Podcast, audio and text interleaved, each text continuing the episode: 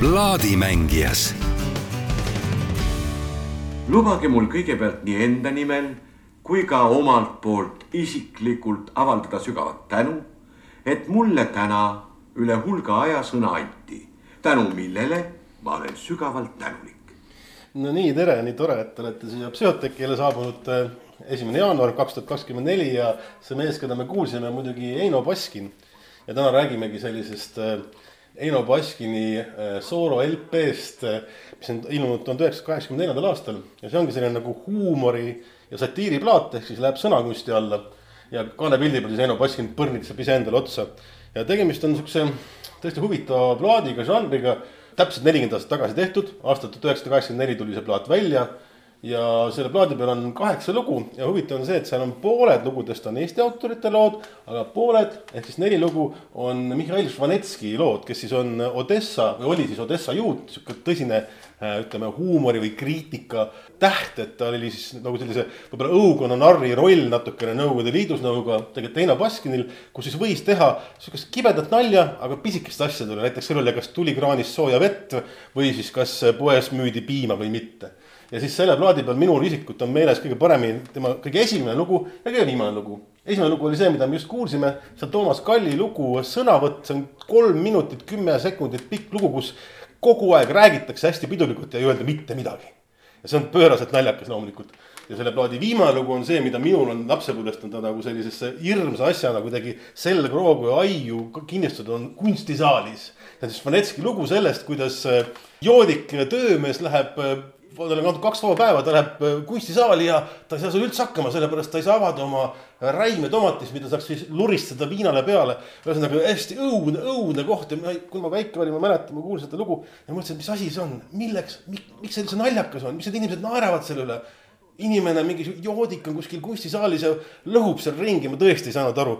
aga noh, eks see huumor oligi toona siis natuke teistsugune, et läbi selle siis selle minu, minu jaoks miskipärast venelasest siukse joodiku töömehe üle naermine kuidagi siis äh, vabastas sind vist või midagi sellist. Aga küsimus, et kas, ähm, kas selline huumoriplaat oli midagi ainulaadset, ei, Nõukogude Liidus anti neid palju välja ja ka Eestis ja sellele Eino Baskini plaadile näiteks eelnevad, kes neid plaate koguvad, on näinud kaks sellist äh, kahest LP-st koosnevat karpi lausa, kus Jaanus Orgulas ja Ervin Aabel tegid nalja, üks neist ilmus kuuskümmend üheksa, teine seitsekümmend üks.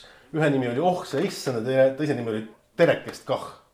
ja mis on veel huvitav selle plaadi juures on see, et selle teine lugu kus tegevus toimub abielu õnnebüroos, loo nimi on, ongi nimi, see on tegelikult dialoog äh, Eino Baskini ja Ite Everi vahel, mis millegipärast plaadi ümbriselt kuskil, mitte kuskil seda ei mainita äh,. Žvanetski, see autor, kes, kellest siis pooled lood on, tema on korduvalt Eestis käinud ja kes veel mäletab, kahe tuhande üheksateistkümnenda aasta Prima Vistal oli ta viimati siin Eestis külaline ja sai temaga siis vestelda ja küsimusi esitada. ja noh, muidugi see Baskini plaat tegelikult on see stand-up komöödia. et ei ole see stand-up midagi uut, mis tänapäeval tehakse, ega ei olnud seda midagi uut ka siis kaheksakümne neljandal aastal, kui see plaat tehti. anti kaks vaba päeva. inimesed on hakanud nüüd hulluks lööma. selle asemel, et puhata, raiskavad aega igasuguse tühja tähe peale. vaata näiteks möödunud pühapäeval tassiti mind sinna, suurepärane koht see oli enam kunstisaali, kunstimuuseumi. no mina mõtlesin, et see on muuseum nagu muuseum ikka, aga tuli välja, see on hullem kui püstijalabaar. kuuma toitu ja sagusmenti muuseumis üleüldse ei ole, absoluutselt mingisugust. seal üle tänava oli väikene püstijalabaar, seal oli vähemalt seljanka ja siis see puljung pirukaga, aga selles kunstisaalis oli ainult kaks võileiva juustuga ja mineraalvesi meeste häda. hääde meeste ma tahtsin öelda. nii kaua, kui rahvamassid vahtisid seda Evald Okase pilti, õudne pilt muide. see on see Jumala ema käis Pariisis. Prantsuse keeles öeldakse selle kohta nii, et noorsoo juuresolekul ei julge öeldagi. see on de orte dame de rari niikaua kui rahvas vahtis seda orariid, ma läksin poodi, tõin pooliku ära. eks ole, kergem oleks vahtida. mul oli kilekott oli mul kaasas produktide jaoks, mul on eluaeg kile kaasas. igaks juhuks, eks antakse midagi. ajalehed olid taskus, panin ilusti põrandale, et oleks tipp-topp kõik puhas, ma armastan puhkust. kui äkki valvur Reit hakkas hilisema. kunstisaalis, kunstisaalis, kuidas teil häbi ei ole, kuidas teil häbi ei ole, isegi prilliraamid läksid tuliseks. ma ütlesin talle vaikselt, ma ütlesin talle intelligentselt, ma ütlesin, mis sa sisised, valge hiir. mis asja sa sisised? sa näed, mul on poolik käes, mul ei ole klaasi. no võtsin sealt ühe väikse vaasi. mis temaga ikka juhtub, see vaas on ju rauast. kuidas teil häbi ei ole, see vaas on üheksateistkümnenda sajandi Biedermeier. Ma ütlesin, ise sa kurat oled üks Biedermeier. kuhu te toetate Mikko Forti natürmorti? issand jumal, heeringas Veenuse õlal ma ütlesin, no mis siis, mis asja sa kobised? seisis see Veenus kaks tuhat aastat ilma heeringata. seisab kümme minutit heeringaga, mis temaga ikka juhtub. tal ju niikuinii kätt ei ole. kuule, naera surnuks. vanaid jooksis minema nagu tuulis pask. mul oli kaasas see Rain Tomatis, tead see kontsert? no see kõige odavam, seitse, seitse koopikat. seitse, seitse koopikat Pärnu kalakombinaat teeb, väga maitseb.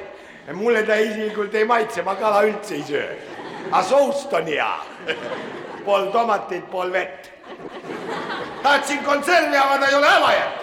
sa kujuta endale ette, kui kaugele me oleme välja läinud oma kunstieluga, et meil ei ole enam konservi avajaid. Kust ma ka ei otsinud, kuhu ma ka ei roomanud, ei ole. vaatan nurgas seisab üks rätsenik. hobune on tal seljas.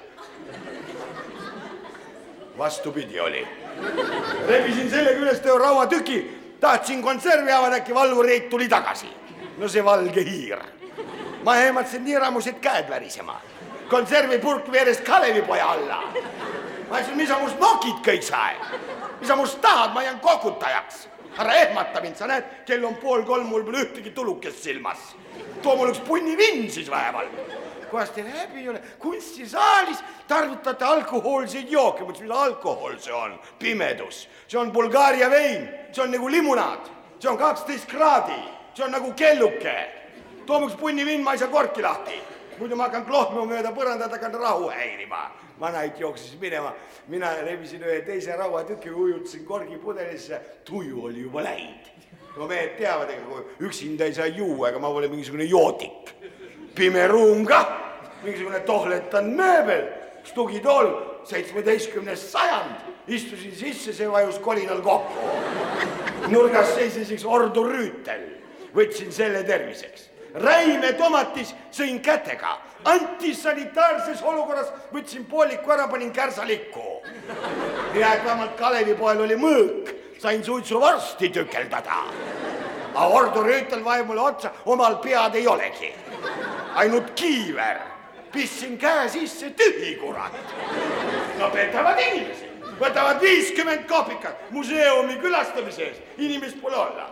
Kusjuures keskaegne Ordu Rüütel, meieaegne saepurru oli sees. see oli puha pettus aga vaat see, kes hobuse seljas oli, vaat see oli tugev poiss. poolteist tundi madistasime. oda sain kätte, kilpi kurat kätte ei saa. tirisin nii, et nahk oli väärt. vaat sulle kunstimuuseum. Poleks poolikut, poleks puhkepäeva